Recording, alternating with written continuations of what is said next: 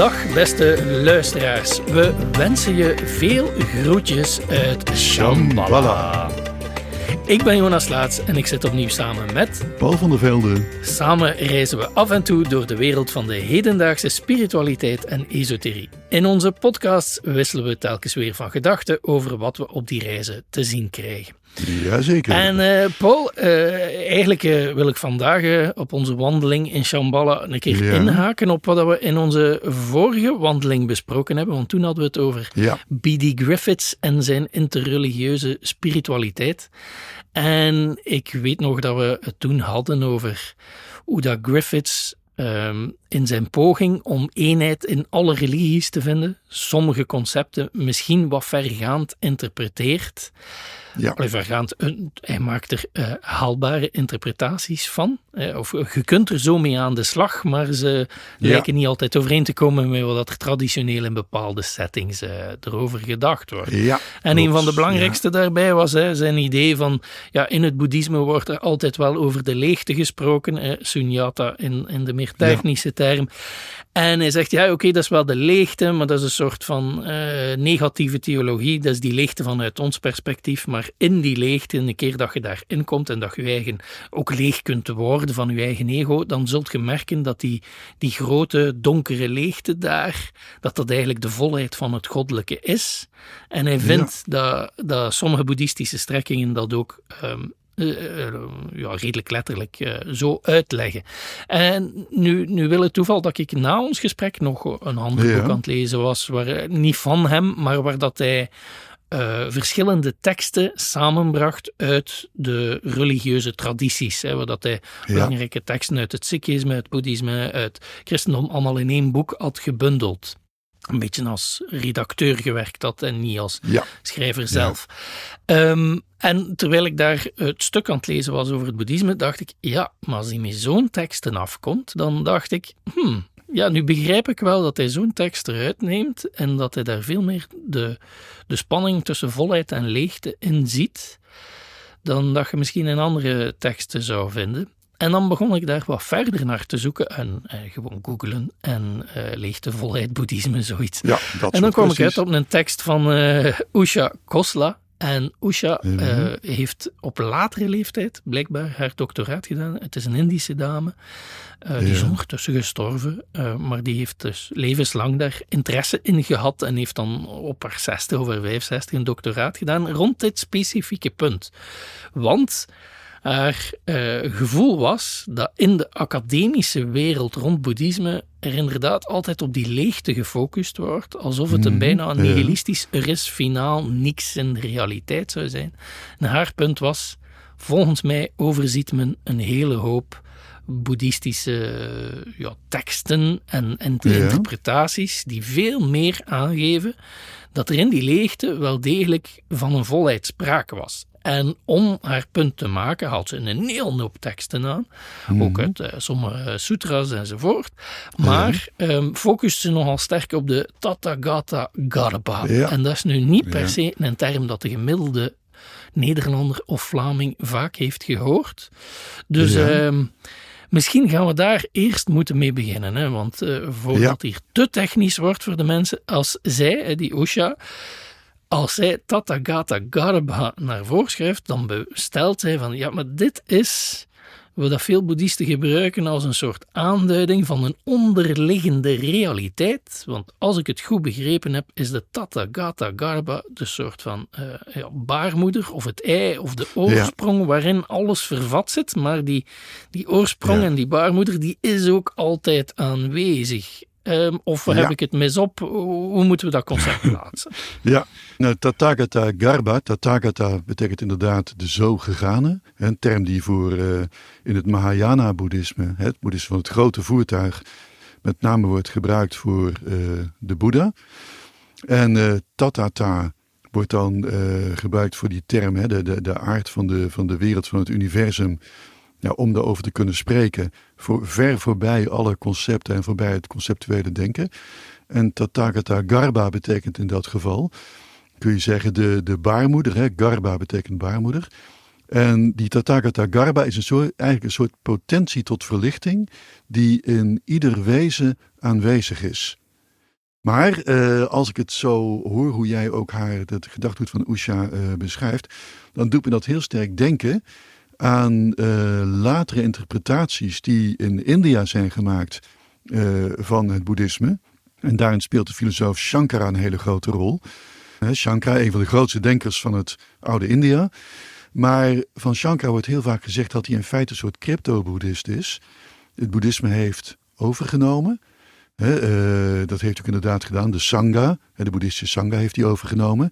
Daar heeft hij zijn tien Dashnami-orders van gemaakt, tien ascete-orders. Hij heeft heel veel boeddhistische tempels en stupas overgenomen. Grote linga van Shiva erbovenop gezet. Ook in de tempel die in Bodh Gaya staat, waar de Boeddha de verlichting had bereikt. En ja, Shankara, het, grote verschil tussen Shankara en uh, Mahayana-boeddhisme is dat in het boeddhisme men er toch van uitgaat dat er geen zelf is. Althans, een zelf is een proces. de Atman, waar het, waar het boeddhisme, het hindoeïsme zegt de Atman is eeuwig. En tot die versmelt met Brahman in wat voor vorm dan ook. Zegt boeddhisme nee, die Atman ontstaat en vergaat per moment. En nou krijg je natuurlijk, is die Tathagata Garba, is dat nou toch niet een soort Atman? Is dat dan toch niet hetgene wat reïncarneert en wat onveranderlijk is?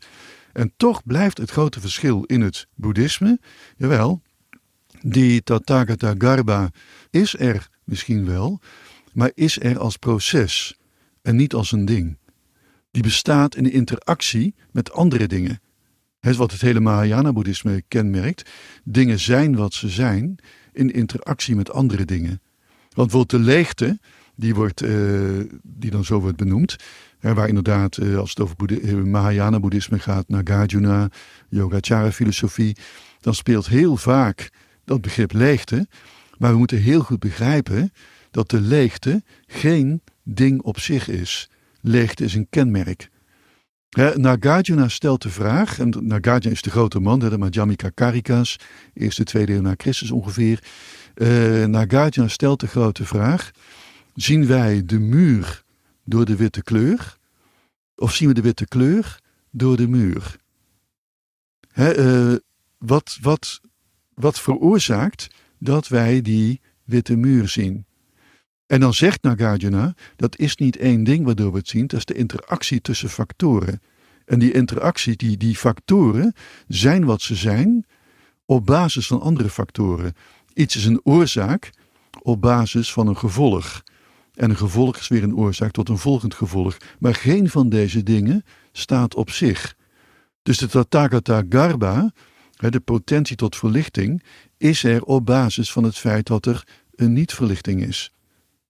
In interactie bestaan deze dingen, maar ze bestaan niet op zich. En daar maakt Shankara natuurlijk een verschil. Nou goed, dus, dus het, het, punt is dat die Tathagata Garba, dat is de potentie tot verlichting, die staat tegenover de onverlichte wereld. En Nagarjuna zegt ook, er is geen nirvana zonder samsara. Omdat hij dus uh, heel erg begint met taalkunde, benoemen van taal. En uh, hij zegt dan, er kan alleen maar uitdoving bestaan als er ook vuur is. Dingen van je tegenovergesteld niet kent, die kun je niet, niet kennen. En het was natuurlijk in zijn tijd een enorme uh, openbaring om daarmee te beginnen omdat, ja, het komt allemaal voort uit het Vedisch gedachtegoed. En in Vedisch gedachtegoed is wat je in taal benoemt, is werkelijkheid. Hè? Nama rupa, naam is vorm. Nou, daar nam de Boeddha al afstand van. Maar het Boeddha-woord had tegen die tijd weer ongeveer dezelfde vorm aangenomen. Als de Boeddha iets gezegd had, ja, dan was het echt waar. Wat zegt Nagarjuna nu? Nee, taal is relatief. Ook het Boeddha-woord, de, de termen die de Boeddha koos op dat moment, waren relatief. En je moet dus met termen kunnen goochelen. Dus in zoverre denk ik dat Nagarjuna zeer enthousiast was geweest als mensen hadden gezegd: we moeten Sunyata zien als volheid. Oké, doen. Kijken waar je uitkomt. Dus hij, hij zou daar geen moeite mee hebben gehad. Hij zou het wel direct kapotgeschoten hebben. Dat dan weer wel, mm. want daar was hij heel sterk in. Maar um, het is retoriek. We hebben retoriek nodig om dingen duidelijk te maken.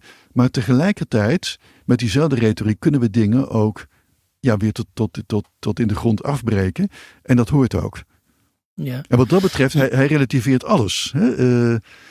Zowel leegheid als volheid zou hij uh, relativeren. Dat vind ik er dan wel interessant aan, hè? Dat, dat er inderdaad zo mee gespeeld wordt. En als ik alle zinnen lees die uh, nu toevallig die Usha naar boven haalt, uh, om haar punt zo wat te maken, ja, dan zijn dat ook zeer um, argumentatieve zinnen, of hoe moet ik het zeggen, zinnen waarvan dat je echt denkt van ja, ze is hier iets op het spoor.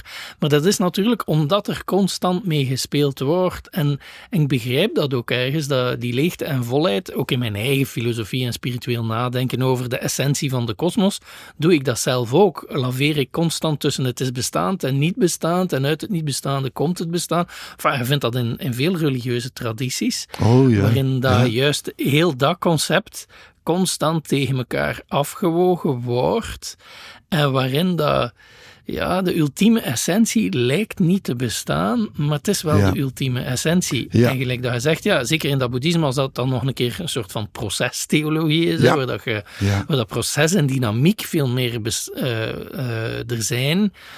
Dat, is eigenlijk een goed voorbeeld. Als je zegt van, ja, niks is echt reëel, alles bestaat in relatie tot iets anders en in proces.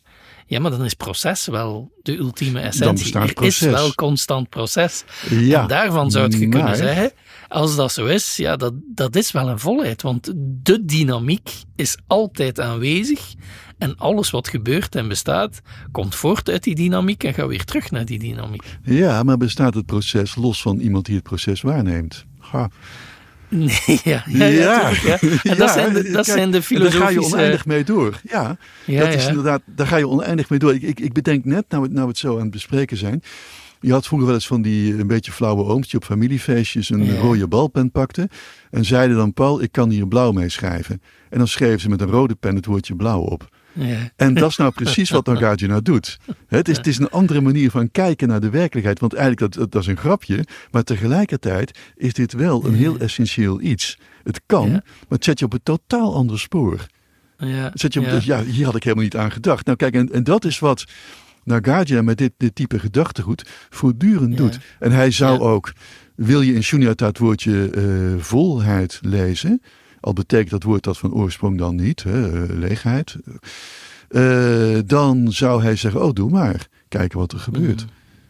Ja, dus, en, dat is er wel, er zit dus wat dat betreft, er komt nooit een eind aan die dynamiek. Uh, het is wel mooi dat je, dat je dat begrip ook inbrengt. Alleen, ja, is die dynamiek er ook los van een persoon die de dynamiek waarneemt? Ja, ja, ik moet nu terugdenken aan die tekst die ik aan het lezen was, die in de, die compilatie van B.D. Griffith staat. En daar had ik ook wel het gevoel, nu het is een Chinese tekst van de, weet ik het, negende of tiende eeuw, ben eventjes de naam vergeten, um, die later vooral in uh, Korea en zo is blijven doorleven. Dus uh, het is een, een, specifieke tekst in de traditie, dat begrijp ik ook wel. Maar tegelijkertijd in die tekst ja, had ik wel het gevoel, daar worden ook van dit soort filosofische uh, tegenstellingen constant um, tegen elkaar gesteld. Ja. Maar finaal voelt je daar wel een soort van monisme in. Van er is een bepaalde zijnsrealiteit die misschien leegte lijkt vanuit een bepaald standpunt, omdat er niks werkelijk in is, maar alles wat bestaat is tegelijkertijd die zijnsrealiteit. Dus dan komt je wel op een Advaita-achtig, monistisch denken. Oh, ja. Ja. En in die boeddhistische setting dan Ehm, en dat, dat brengt mij een beetje, want uh, uh, misschien moeten we wat overgaan naar het concept Boeddha-natuur, waarvan ik vaak hetzelfde gevoel heb. Als mensen daarover spreken, over die Boeddha-natuur, dan denk ik vaak, ja, maar dat, dat lijkt hier wel heel erg op een soort altijd aanwezig ja, natuur, een altijd aanwezige ja. zijndheid van die Boeddha-verlichting, die dan in een mens tot manifestatie kan komen, ja, uh, maar dat niet noodzakelijk doet, maar die er wel aan vooraf gaat of zoiets. Dus uh, misschien moeten we daar even op ingaan. Is die Boeddha-natuur dan niet een soort vertaling van datzelfde monistische gedachtegoed of niet? Uh, zo kun je het zien, dat kan.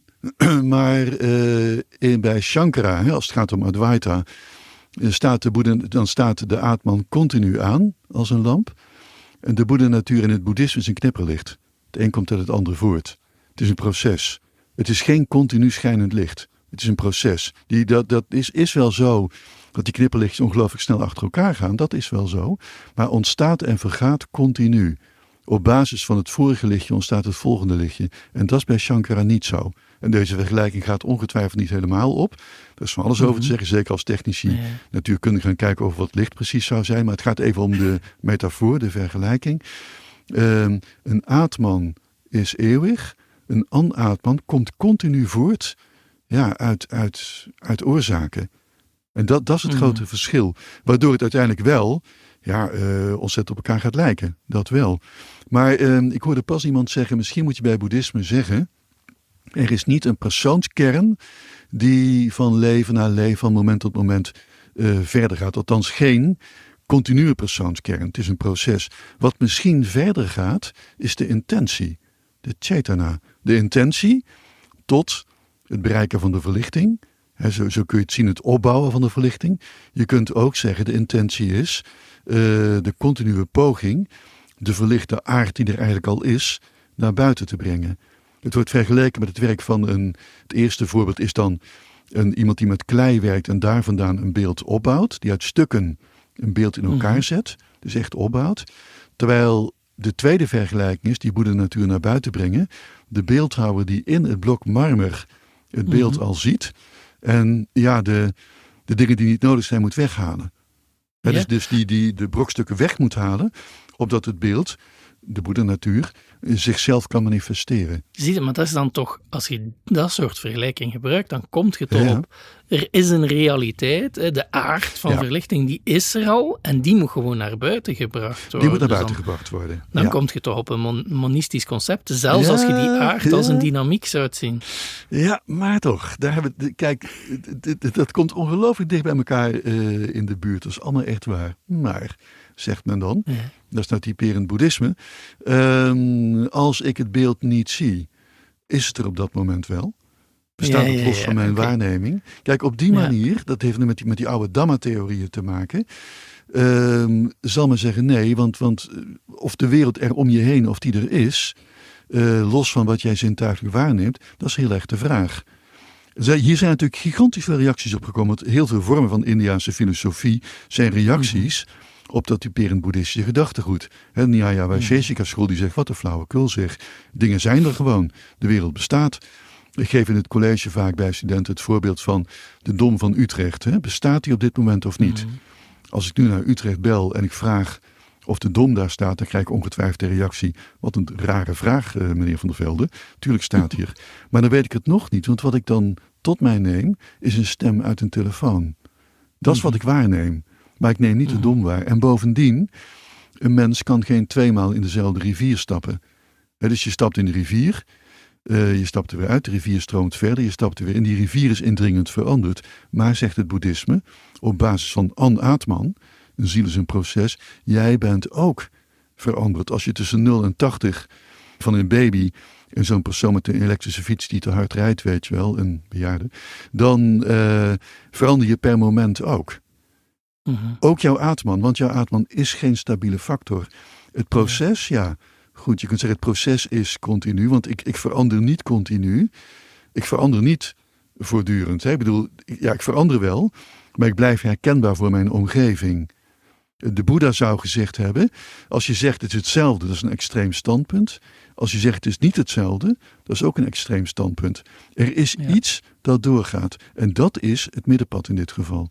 Maar is het ook niet met heel veel moeilijke filosofie toch proberen, niet alleen eh, een soort monisme, een procesmonisme, ik weet niet hoe dat Ja. anders zou moeten noemen, Ja, maar tegelijkertijd ook een heel sterk idealistisch beeld. Want vandaag de dag is dat heel populair. Daar ben ik op zich blij mee. Ik Ja. wil daar straks in de podcast nog toe komen. Zodat Ja. nieuwe denken van idealisme van de wereld. Nee, materie is eigenlijk niet de kern van het bestaan. Maar onder Ja. die materie, daaronder zit ja, bewustzijn. Hè. We kunnen het niet anders noemen. Ja. eh, mind, eh, mentation, eh, bewustzijn. Ja, ja, ja. ja. En, en dus het idee dat het universum uit bewustzijn bestaat. En dus binnen dat concept wordt, bestaat de dom pas als ik ze zie, wordt logischer. Want de realiteit is een samenstel van bewustzijn dat zichzelf ziet.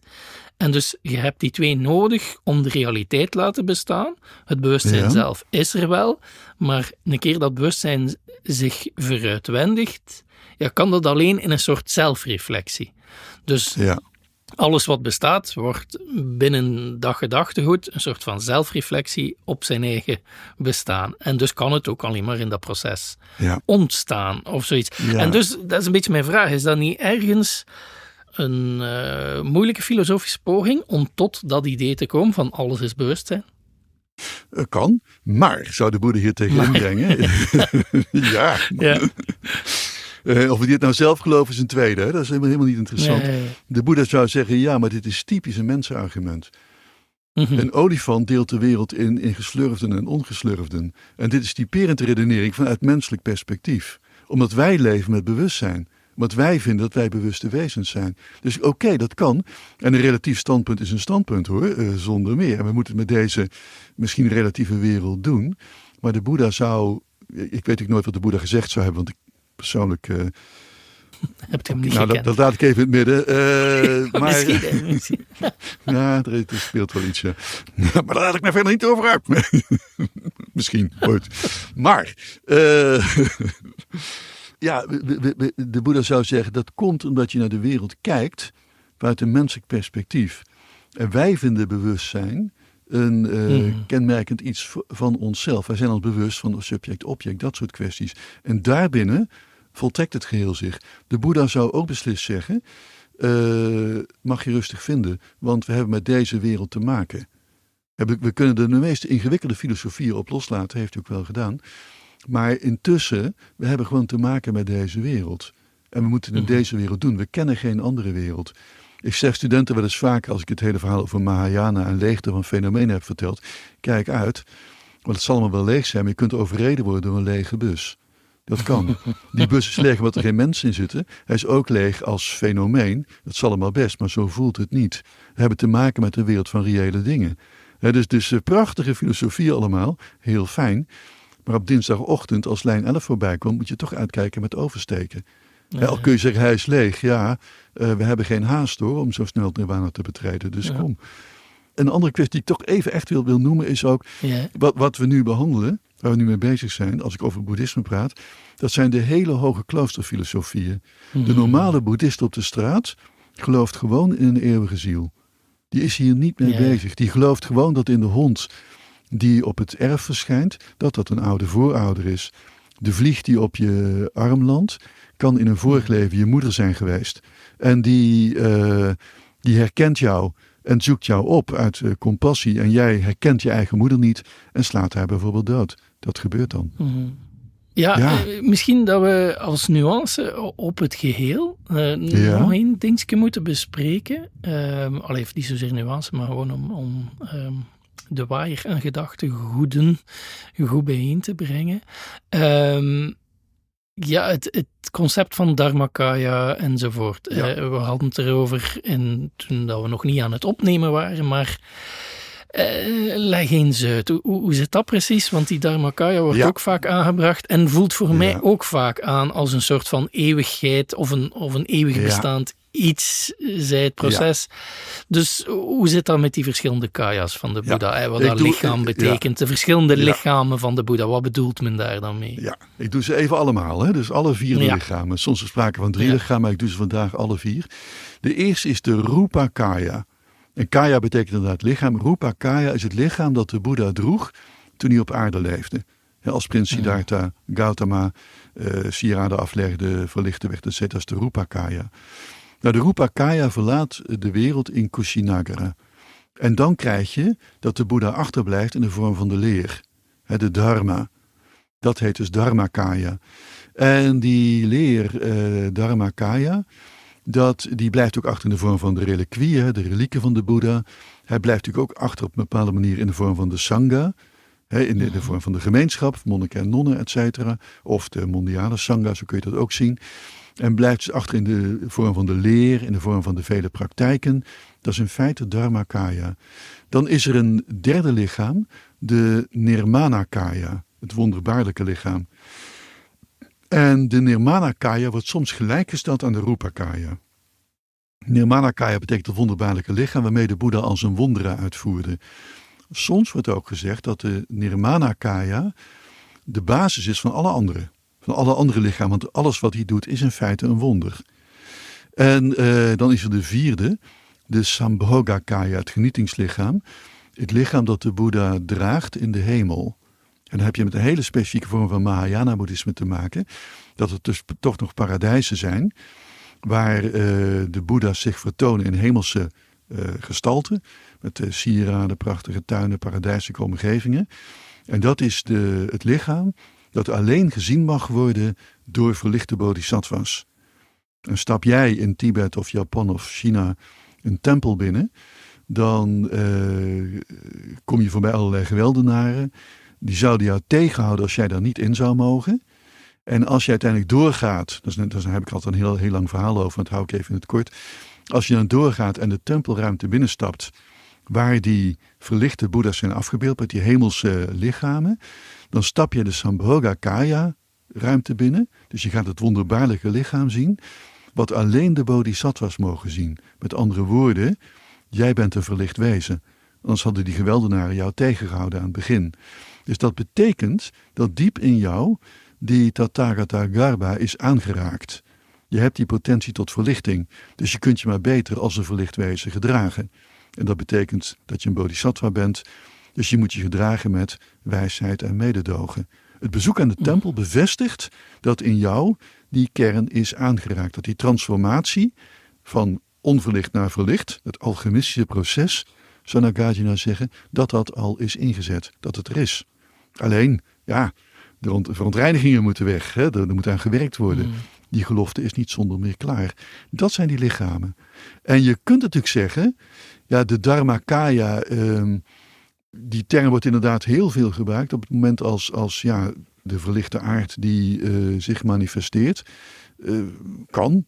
Uh, het, is een term natuurlijk, hè, maar Dharmakaya betekent eigenlijk de aanwezigheid van de Boeddha in het universum als de Boeddha zelf hè, zijn lichamelijkheid is verdwenen. Mm. En overblijft in de vorm van de leer, de praktijk, relieken eventueel nog als lichamelijke resten. Dat is de Dharmakaya ja. eigenlijk. Ja, weet je dat gelijk geweldig op... Uh, ja de eerste apostelen, die eh, in brieven schrijven over eh, Christus die het lichaam is. Hè? Paulus zelfs hè, specifiek, die schrijft over Christus die het lichaam is. Wij, wij als mensen zijn het lichaam van Christus. Ja. Dat gelijkt daar geweldig op. Hè? Ja, nou, uh, wat dat niet onlogisch is natuurlijk. Nee, daar, oh, ik op zich niet van. Nee. Maar Um, wat ik er wel van belang aan vind, is dat eh, je hebt enerzijds gezegd van ja, oké, je hebt de hoge kloosterfilosofie en die zijn ja. bezig over leegte en volheid en, en welke van de twee is het nu en het is een proces en je mocht het niet als een ding zien. Maar de gewone mens gelooft natuurlijk gewoon in een ziel en, en dat je goed moet zijn voor elkaar.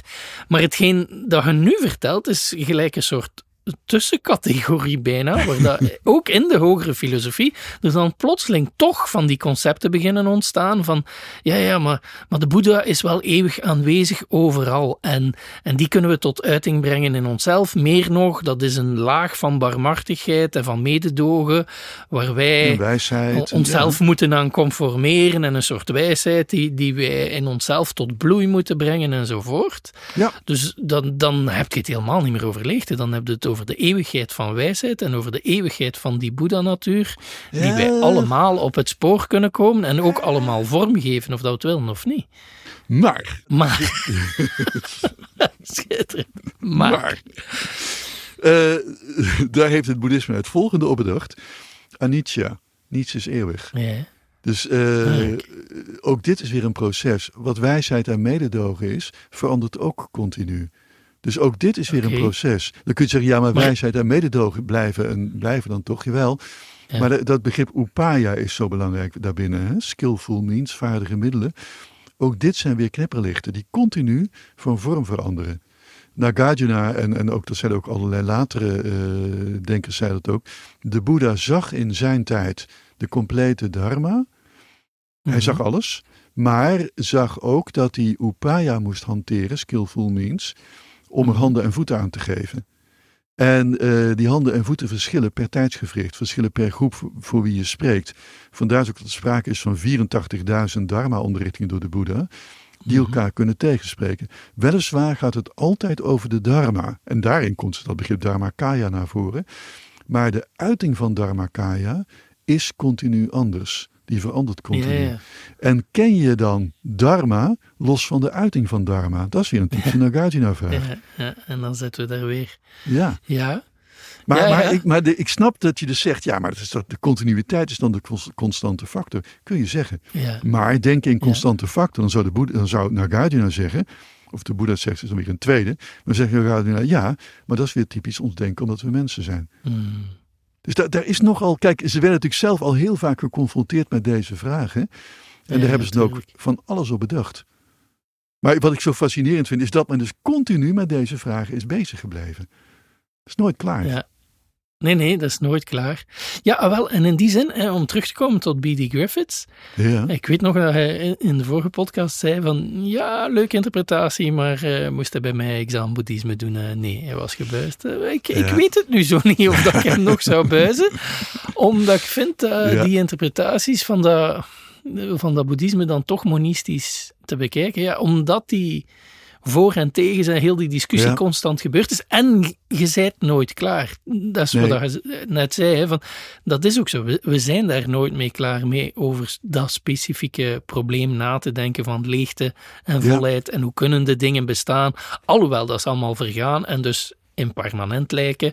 Ja. Eh, maar zit daar dan toch een eenheid onder die ons drijft of niet? En dan ja. Zeker als je dan merkt dat, eh, dat, dat, dat men in het boeddhisme daar dan uit dat taak. Oh, ik ben het weer al kwijt hoe dat moet uitspreken. Tathagata Garba. Ja, tata betekent zo. Ja, Gata Ja. is gegaan, voltooid deel. Verwant ons woordje gaan, hè? Ja. voltooid deel, gata. oké. En garba is baarmoeder. Ja, Baarmoeder of, of eh, embryo betekent het ook. Ja. Het, em- het embryo tot, ja, tot, tot, tot, tot, het, tot de zo gegaan. Het embryo tot de verlichting. ah, ja. Ja, ja. En garba betekent, dat is typisch uh, Sanskrit taalfilosofie trouwens. Garba betekent zowel baarmoeder als embryo. Ja, ja. Dus eh, zowel het, het, het wezen dat groeit in de baarmoeder als de baarmoeder zelf. Het binnenste van een tempel heet ook de Garba Gurha, het huis dat de baarmoeder is. En in hindoe-tempels heet het ook de Garba Gurha. Ja, wel, maar, maar dat is dus interessant, vind ik zelf. Want als die woorden daarvoor gebruikt worden, dan kun je hele filosofie hebben over die leegte enzovoort. Maar als die woorden gebruikt worden, ja, dan roepen die ook wel een heel semantisch veld op. Ja, En dus embryo baarmoeder, ja, dan is dat, Ja. ook dan is dat logisch dat iemand gelijk een Griffiths daar die linken ziet met andere tradities. Ja. En om maar iets te zeggen, de meest gebruikte naam voor Allah in de Koran, alleen naast Allah zelf natuurlijk, maar wat dat gewoon de God betekent, maar de naam die men eraan heeft, net gelijk de andere 98 naam, is Ar-Rahman. En Ar-Rahman komt van Raham, en Raham is baarmoeder. Ar-Rahman is ook God in zijn baarmoederlijke zijn ja of ja, zoiets. Ja, kijk. En, en, en da- da- daar komt je dan weer op zo'nzelfde genre concepten. Ja. Hè?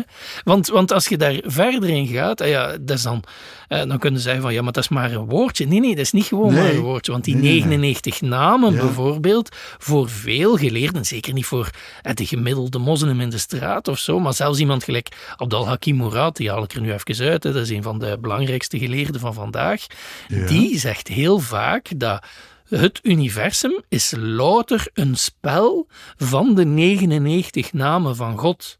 Ja, Dus dat is een vrij eh, filosofisch gesproken idealistisch idee van achter de werkelijkheid speelt een spirituele werkelijkheid en die is nog het beste omvatten in die 99 namen van eh, majesteit, schoonheid, eh, rechtvaardigheid enzovoort. En het spel van die van die, ja, ja, hoe moet het noemen, eh, ideële concepten Ja, eh, of ja. archetypes van zijn, dat is hetgeen dat, dat de werkelijkheid uiteindelijk construeert. En dus niet Ja. atomen, maar wel dat spel van die 99 namen. En als Arachman daar dan centraal in staat en de meest belangrijke naam is, ja, dan krijg je eenzelfde Ja. concept. Uit de baarmoeder Ja. groeit alle andere ja, wijsheid ook en alle andere Ja, ja, ja. rechtvaardigheid en alle andere geduld. En dat alles speelt zich uit in de natuur. Ja, en als je zoiets hoort van, van een Abdal Hakim Murad en, en je, je bent dan bezig over die Tata, dan, Ja. dan lijkt dat daar toch geweldig en- op, op zijn en- minst in wat dat woord oproept. Ja. En, en, en in wat, wat jij nou vertelt over hoe de islam dit ziet, moet ik heel Ja. erg denken aan het spel van Krishna. Het lila Ja. van de god Krishna, de, de dans die Krishna uitvoert in dit, eh, in dit universum. Het universum als manifestatie van de Rasa Lila dans. En waarbij in Mhm. feite ook de manifestatie eh, van Krishna's spel de poëzie van de Mhm. dichters is. Een heel Ja, lyrisch eh, beeld van ook weer een werkelijkheid parallel aan deze werkelijkheid. Daar moet ik ook heel sterk aan denken. Maar goed, men kent Ja, ja. elkaars gedachtegoed. Het is ook niet zo vreemd dat, dat Nee, nee, dit soort eh, interacties en, en interpretaties Ja, eh, plaatsvonden. Eh, ja, constant spelen. Ja. Ah, wel, maar het is, ik vind het goed van even over te gaan naar, naar meer hindoe settings en, en een beetje van dat boeddhisme weg te gaan. ja. Want voor een stuk waar dat we het hier heel tijd over hebben, een leegte volheid aan de ene kant, Ja. maar eenzelfde genre discussie bestaat over eenheid en veelheid, wat dat Ja. quasi hetzelfde is, maar net een nuance Ja, ja, ja, anders. ja, hè, ja. van, zit er Ja. in de veelheid van het bestaan eenheid? Dat is ook iets dat in vorige podcasts geregeld wel een keer aan bod Ja. is gekomen, maar dat we nooit echt hebben eh, mm, vastgepakt als thema Ja. op zich. Hè. En dus ik zou dat hier wel willen aan koppelen, omdat Ja. je eenzelfde genre voor, tegen, ja, en wat is het nu? Ah, dat staat nooit vast. We zijn er altijd over aan het nadenken en iedereen heeft daar zo zijn of haar positie in. Ja. En dus als je het hebt over die lila, hè, want eh, misschien een stap terugzetten. We moeten misschien vertrekken vanuit het idee, de meeste mensen denken over hindoeïsme, of het klassieke verhaal dat over hindoeïsme verteld wordt, is, ah ja, er zijn een veelheid van goden, eh, zodanig veel dat waarschijnlijk geen eh, hindoe weet hoeveel goden dat er exact Eh, drie- vereerd 330 worden in India, miljoen. maar dus ja. 330 miljoen. Ah, ja, oké. Dus dat is het getal dat erop geplakt Ja, wordt. ja, evenveel als de haren zitten op het lichaam van een koe. Dat heeft iemand ooit verteld, blijkbaar. Fantastisch. Ja, Eh, dat is lang tellen. Ja. Eh, oké, Eh, 330. Ja. 333 of 330? 330. Nee, nee, 330. Nee, nee, het moet niet wilder worden. Nee, nee, nee. Ja. Oké. Ja. mooi. 330 miljoen haren op een koe, 330 miljoen goden in India. Oké, een grote veelheid dus. Hè. Dat is wat dat er mee bedoeld wordt, veronderstel ik. Een grote veelheid, maar zullen de meeste mensen zeggen, ja, maar in het hindoeïsme, achter die grote veelheid zit natuurlijk Brahman, het enige al, het enige werkelijke goddelijke principe. Ja, en dat is zo, hè, die, die in bestaan, die, zeker die Vedantische ideeën daar rond, of die Upanishad-ideeën, die dan inderdaad op zo'n monistisch, Advaita-achtig gegeven terechtkomen en non-dualistisch. Maar niet alles in het hindoeïsme is zo. Nee, dus klopt. ten opzichte van dat dualisme, of dat non-dualisme, hebben er ook heel veel andere strekkingen geweest. En Ja. het is de die dat ik even wil binnenbrengen. En, en daar moet ik aan denken, omdat het over Lila en Krishna had enzovoort. Dus benoem een keer zo een, een strekking die daar tegenin gaat. En die zegt, nee, nee, nee, we doen niet mee aan dat monisme. Ja, dat is inderdaad waar. Eh, eh, Ik, ik hoor dat steeds vaker ook. Eh, Het wordt ook heel erg in India nu uitgedragen. Er is één god. En het is als de vlakjes van een diamant hè, die oplichten. Mhm. Dat zijn die 330 miljoen verschijningen. Ik meen te merken dat eh, veel hindoes daar tot deze ideeën komen. Dat, is, dan, dat heeft dan een aardige geschiedenis. Omdat christendom en islam één god hebben. Dat wordt als een soort ideaal gezien, een soort, soort eh, evolutie. Hè? Eerst animisme en zo. Dan kom je tot polytheïsme en dan kom je tot eh, monotheïsme of iets dergelijks, weet je wel. Hè? Van, van, van- het vele Mhm. wordt er steeds meer één, dat is dan hoger of iets dergelijks. Ik, ik merk ook soms dat hindoes eh, een soort apologie opbouwen als het gaat om de vele gestalten van het goddelijke. Ja, maar zo is het niet, het is maar één god eigenlijk en zo. Terwijl, ehm, wat ik zelf vind, we doen het hindoeïsme tekort als we één van die termen op het hindoeïsme plakken. Het is er allemaal. Maar hindoeïsme is een verzamelterm. Net als boeddhisme dat overigens is. Maar hindoeïsme, als, als iemand zegt dat hij hindoe is, hij of zij, dan weet je nog maar heel weinig. En als men zou zeggen, er is één god in het hindoeïsme, dus monisme of monotheïsme, de rest zijn er manifestaties van, dan denk je nou, er is wel bloedvergroten om, om reden van verschillende goden. En in de alledaagse verschijning van het hindoeïsme, en die kun je toch echt niet ontkennen, die is er, doen er gewoon zeer veel goden mee, zeer veel goddelijke gestalten. Hoe die zich onder elkaar verhouden, ja goed, dat is een tweede. Of het allemaal manifestaties van één god zijn, dat is een tweede. Maar eh, de gedachte, er is maar één god, ja, daarmee doe je het hindoeïsme in zijn vorm en rijkdom, in zijn beleving tekort. Dat kan misschien op hoog theologisch niveau dan gelden, als je inderdaad gaat kijken naar de Upanishads, hè, eh, Tattwamasi en zo, en Aham Brahmosmi, al dat soort mooie uitspraken. Maar ja, Dat is al de leegte van het, uh, van het boeddhisme. Dat mag de hoge hindoewijsheid zijn. De hoge uh, wijsheid van de hindoe-filosofen. Maar dat is zeker niet waar de mensen mee leven. En daar kent het goddelijk gewoon vele manifestaties. En één term daarvoor gebruiken is, dan doe je tekort. En ja, uh, er, zitten, er zitten zoveel voorstellingen in, het, uh, in de hindoe-godenwereld. Dat voor iedereen is er iets wat dat betreft. Iets waar je een aansluiting kunt vinden. Maar het bevestigt met mij met name hoe onvoorstelbaar het goddelijke is. Hoe mm. beperkt onze, uh, onze denkruimte is om het goddelijke in zijn of haar uh, veelvormigheid te kunnen omvatten. We kunnen alleen maar dat mm. ene vlakje van de diamant zien. De hele diamant zien we nooit. En uh, ja, ja. waardoor ik dus eigenlijk, ik, ik, merk steeds vaker dat mensen zeggen: nee, nee, er is één God. Maar dan nog, wat je van dat standpunt ook uh, kunt vinden. Het goddelijke neemt in het Hindoeïsme zo ontzettend veel vormen aan. dat je het met iedere omschrijving eigenlijk uh, tekort doet. Het is niet voor niks mm. dat in het Hindoeïsme de zogeheten neti-neti omschrijvingen zijn ontstaan. Die in de Upanishads en Brahmanas al voorkomen.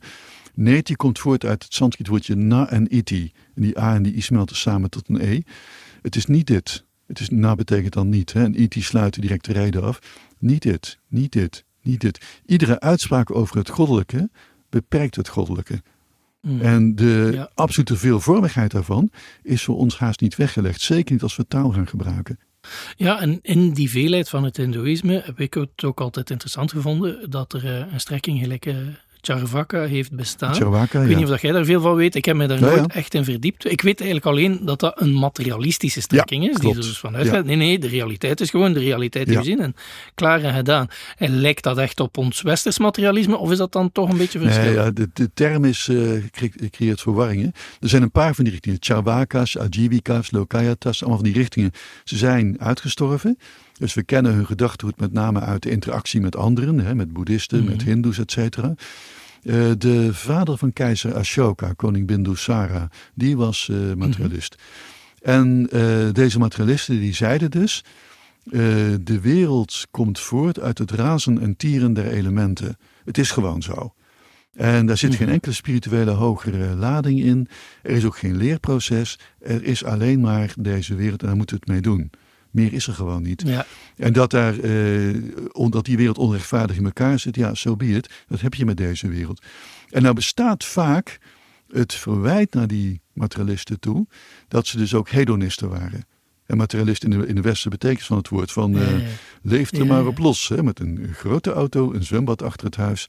Een duur klokje om de pols. En uh, hè, uh, YOLO, hè, you only live once, et cetera. Nou, dat vooroordeel, of dat oordeel bestaat. Maar tegelijkertijd mhm. bestaat er ook de andere betekenis van materialisme. Dat men de wereld, het universum, gewoon verklaart uit materie. Hetgeen helemaal niet wil zeggen dat men het heel ook zocht in materie. Dat is heel wat anders. Mm. Er zijn juist ook bericht dat Chavakas vonden dat uit die materie alleen maar slechts voortkwam. Dus dat je juist aan de wereld moest onttrekken, als asceet moest leven. Hmm. Want juist, die wereld is juist fout. En dat er geen spiritueel heil te vinden is, geen verlossing te vinden is, dat is dan misschien een beetje jammer. Maar die wereld is juist verdorven, omdat je uit materie bestaat. Beide kom je tegen. Beide okay, voorstellingen. Interessant. Interessant. Maar zie, het, het toont gewoon hoe, hoe breed dat dat hindoe-denken was. En opnieuw, dat die filosofen over de realiteit en eenheid en veelheid en leegte en volheid constant hebben nagedacht. Want een van de strekkingen die we nog niet hebben gehad, is dualistische ideeën bestaan natuurlijk ook hè, binnen oh, het hindoe-denken. en misschien moet je daar even, want dat is eentje dat je ook in, in andere podcasts soms al een keer gezegd hebt, dat er ook filosofische scholen zijn die zeggen, ja maar ik wil helemaal niet verenigen met dat grotere goddelijke ene geheel. Nee, nee, eh, eh, zoals dat het eh, vaak benoemd, ik wil niet suiker zijn, ik wil suiker proeven. Maar dan, dan maak je een fundamenteel onderscheid tussen jezelf als schepping en dat grote goddelijke spirituele ding. Jij bent niet datzelfde, maar je wilt het wel proeven. En waar moeten we dat ongeveer plaatsen in het geheel van die Hindoe-filosofie? Dat type filosofie dat hoort thuis bij de Bhakti-scholen. En er is zelfs één Mhm. school die helemaal Dvaita is. Hè? Die gelooft echt in eh, dat er een ultiem verschil is tussen wereld en God. Ook een ultiem verschil Mhm. van de zielen onder elkaar. Maar daar kom ik misschien zo meteen nog wel even op. Kijk, de versmelting met het goddelijke in de Bhakti-stromen, de devotionele mystieke stromingen kun je zeggen. Die gaan over Shiva, Vishnu in een van zijn manifestaties. Meestal Rama of Krishna of de godin. Nou, ehm er zijn er vaak een, een paar van die termen. Wat je zoekt is eh, Samipya, dus nabijheid van het goddelijke. Je zoekt Sarupya, dat wil zeggen een, goddelijke gestalte. Gestalte is als de godheid die zelf heeft. Je zoekt Salokya, het zijn in dezelfde wereld als het goddelijke. Maar wat je dan niet zoekt, is de Sayuja. En Sayuja is de versmelting. Want dan kun je jezelf niet meer ervaren. Dan kun je je eigen goddelijke aard niet meer ervaren. En dan krijg je dus die vergelijking. Je wilt geen suiker zijn, je wilt suiker proeven. Dit speelt bijvoorbeeld heel sterk bij eh, de richting waar ik vroeger mijn proefschrift over geschreven heb, die richting rond de god, rond de god Krishna. Ehm, als je kijkt naar de Bengali-volgelingen van Krishna, dus de eh Gaudiyas, afkomstig uit eh Bengalen en zo, later ook in Vrindavan in Noord-India gezeten. Iskon, de Hare Krishnas komen daarvan af. Die zeggen ook echt nee, ik wil tegenover het goddelijke staan. Want dan kan ik het, de schoonheid van het goddelijke zien. En niet als ik versmelt met het goddelijke, dan word ik als het oog wat zichzelf niet kan zien. Een oog heeft een spiegel nodig om zichzelf te kunnen zien. Zoals het goddelijke de wereld nodig heeft om zijn eigen schoonheid te kunnen ervaren. Daarom bestaat de wereld. Dat is weer die lila gedachte. En als je dus versmelt met het goddelijke, dan word jij Krishna. Dat wil je niet. En nou zijn er dus richtingen, de Sahajas, die bestonden in Bengalen ook, maar die werden echt beschouwd als de grote vijanden, de zwarten waren dat, de zwarte magie, die willen Krishna worden. En daarmee kun je dus Krishna niet meer uh, ervaren. En dat had weer tot gevolg, zei men dan, dat die Sahajas, uh, de vereniging van Krishna met zijn vriendin Radha, ook echt fysiek gingen uitvoeren. Dus die gingen erotische rituelen aan. En dat vonden dus die Gaudia's eigenlijk, tenminste de, de, de, de mainstream vond dat fout. Want dan ga je dus over een grens heen. De grens van het betamelijke. Maar je wilt dus tegenover het goddelijke staan. Je wilt, je wilt de tweeheid wat dat betreft bewaren. Dus je wilt zo ver mogelijk, bij, zo dicht mogelijk bij het goddelijke komen. Je wilt dezelfde gestalte hebben, dezelfde wereld, uh, dezelfde uh, paradijselijke omgeving. Je wilt de nabijheid hebben. Want als je in een prachtig paradijs belandt en het goddelijke blijkt daar niet ja, te zijn. Het is wel een manifestatie van het goddelijke, maar je loopt maar hunkerend langs de prachtige lotusvijvers en bloeiende paradijsboom, maar je mist je geliefde, dan heb je er nog niet zo heel veel aan. Maar de Sayuja heb je niet. Je wilt de geliefde diep in de ogen kunnen blijven kijken. Je wilt de geliefde kunnen voelen. He, ook erotisch gezien nog eens een keertje. Dat wil je. En dan verlang je dus niet naar de Sayuja. Maar die ene richting, die wil ik even apart benoemen. Kijk, bij Vedanta, en dan valt, Vedanta wordt het vaak genoemd in het Nederlands. En ja, die A is eigenlijk lang. Vedanta, Veda en Anta. Betekent ook niet het einde van de Veda, maar de complete Veda. Maar goed, de complete Veda. De Shankara is daar een voorbeeld van. Dan zijn er nog twee andere grote scholen.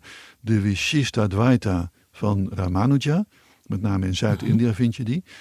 En uh, daarbij is de voorstelling dat de wereld geen maya is, geen illusie is, maar een belichaming van het goddelijke.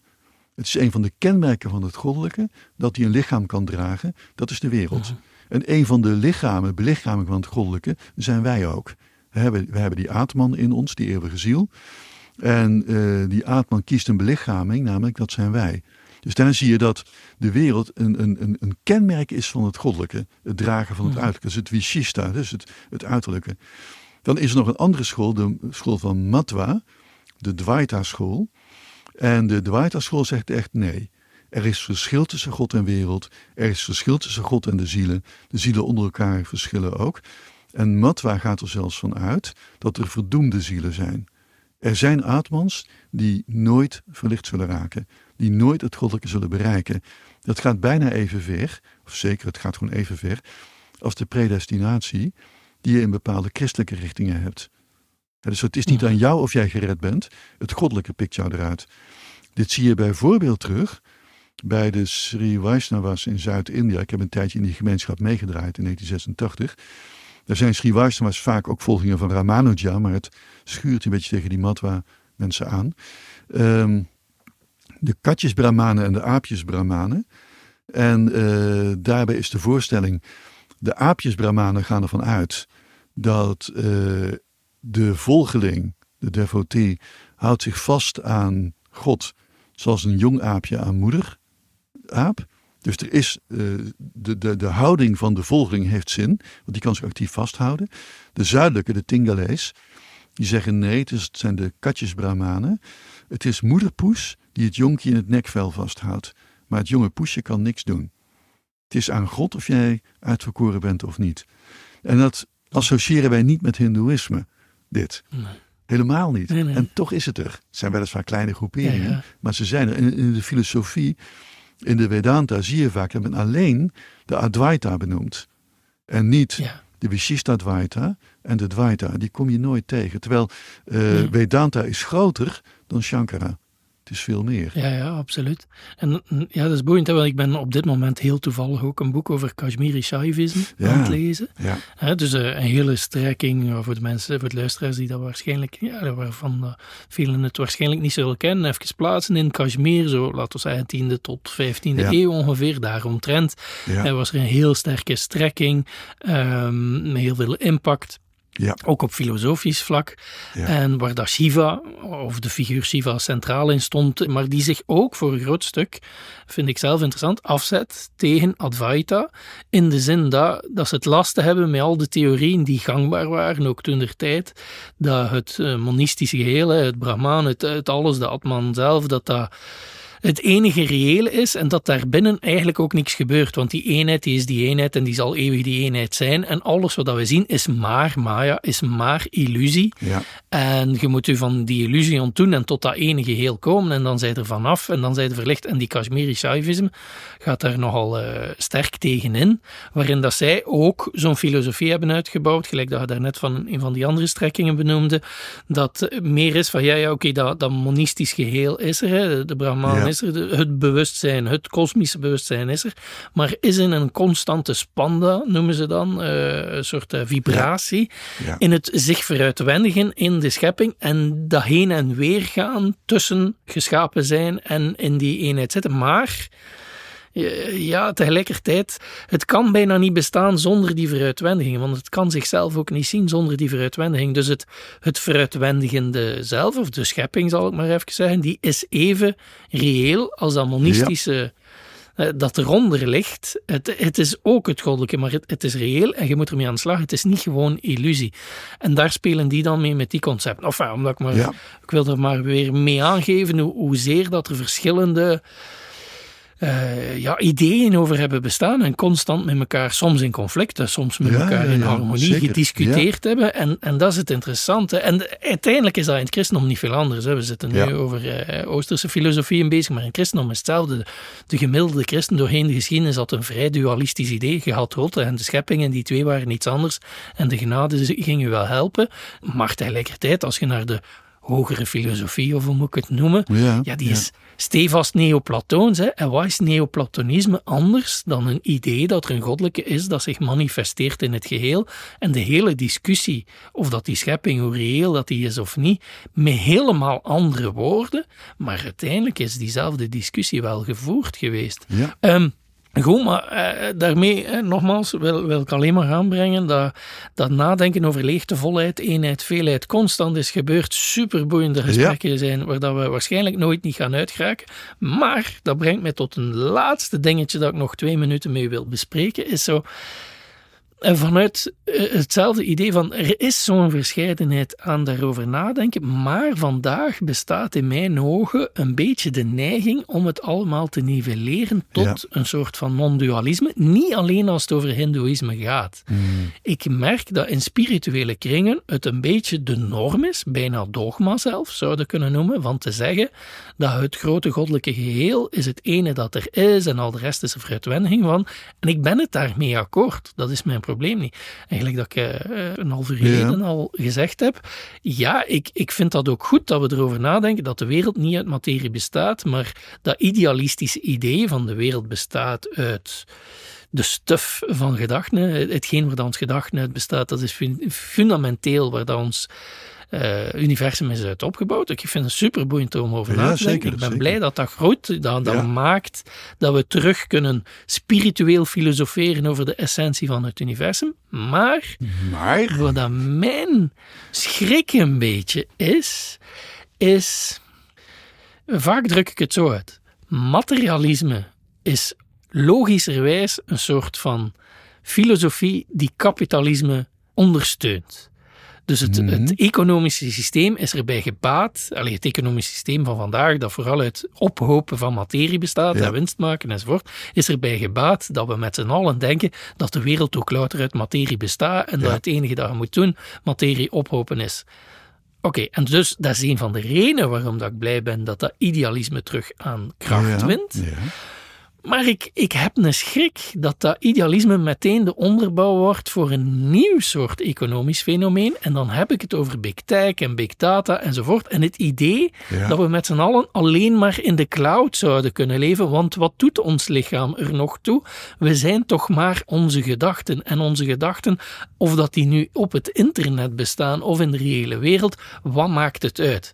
Nu, er is niemand van die spirituele boegbeelden van vandaag die idealisme op de kaart zetten die zoiets zouden beweren. Maar ik voel een soort van um, argwaan bij mezelf dat principes die ik spiritueel heel erg ondersteun en mooi vind, dat die op dat vlak heel erg sterk zouden kunnen misbruikt worden. en dus dat daar dat dogmatische en het niet meer willen zien van de mogelijkheden. Ah, maar we kunnen er eigenlijk ook dualistisch over denken. Ah, en, en we kunnen er eigenlijk ook materialistisch over denken, gelijk de Charvakach. Ja. Dat is interessant. Misschien zijn we er toch niet helemaal uit. Het is dat wat ik bedoel.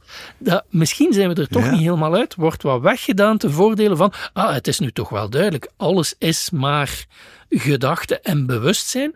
En als alles bewustzijn is, eh, dan is dat het enige waarin dat we moeten leven. Ja.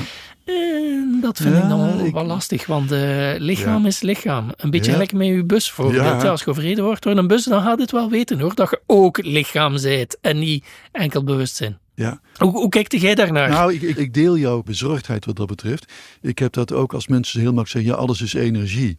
Haha, dat mhm. lost het probleem niet op. Uh, dat is een heel riskante ontwikkeling. En uh, we kunnen heel moeilijk overzien waar dit naartoe gaat. Maar uh, het is ook heel reductionistisch. He, er is mhm. juist die, die enorme veelvormigheid van dingen is er juist. Er is juist materie. Dan kan men zeggen van uh, dat was allemaal illusie. Nee, maar we hebben er wel mee te maken. Ga maar eens vertellen uh, aan iemand die in de Sahara rondloopt dat water een illusie is. Kom nou, die persoon heeft dat hard nodig. He, want uh, gegeven al dit gedachtegoed denk ik tegenwoordig wel een keer of vier, vijf per dag.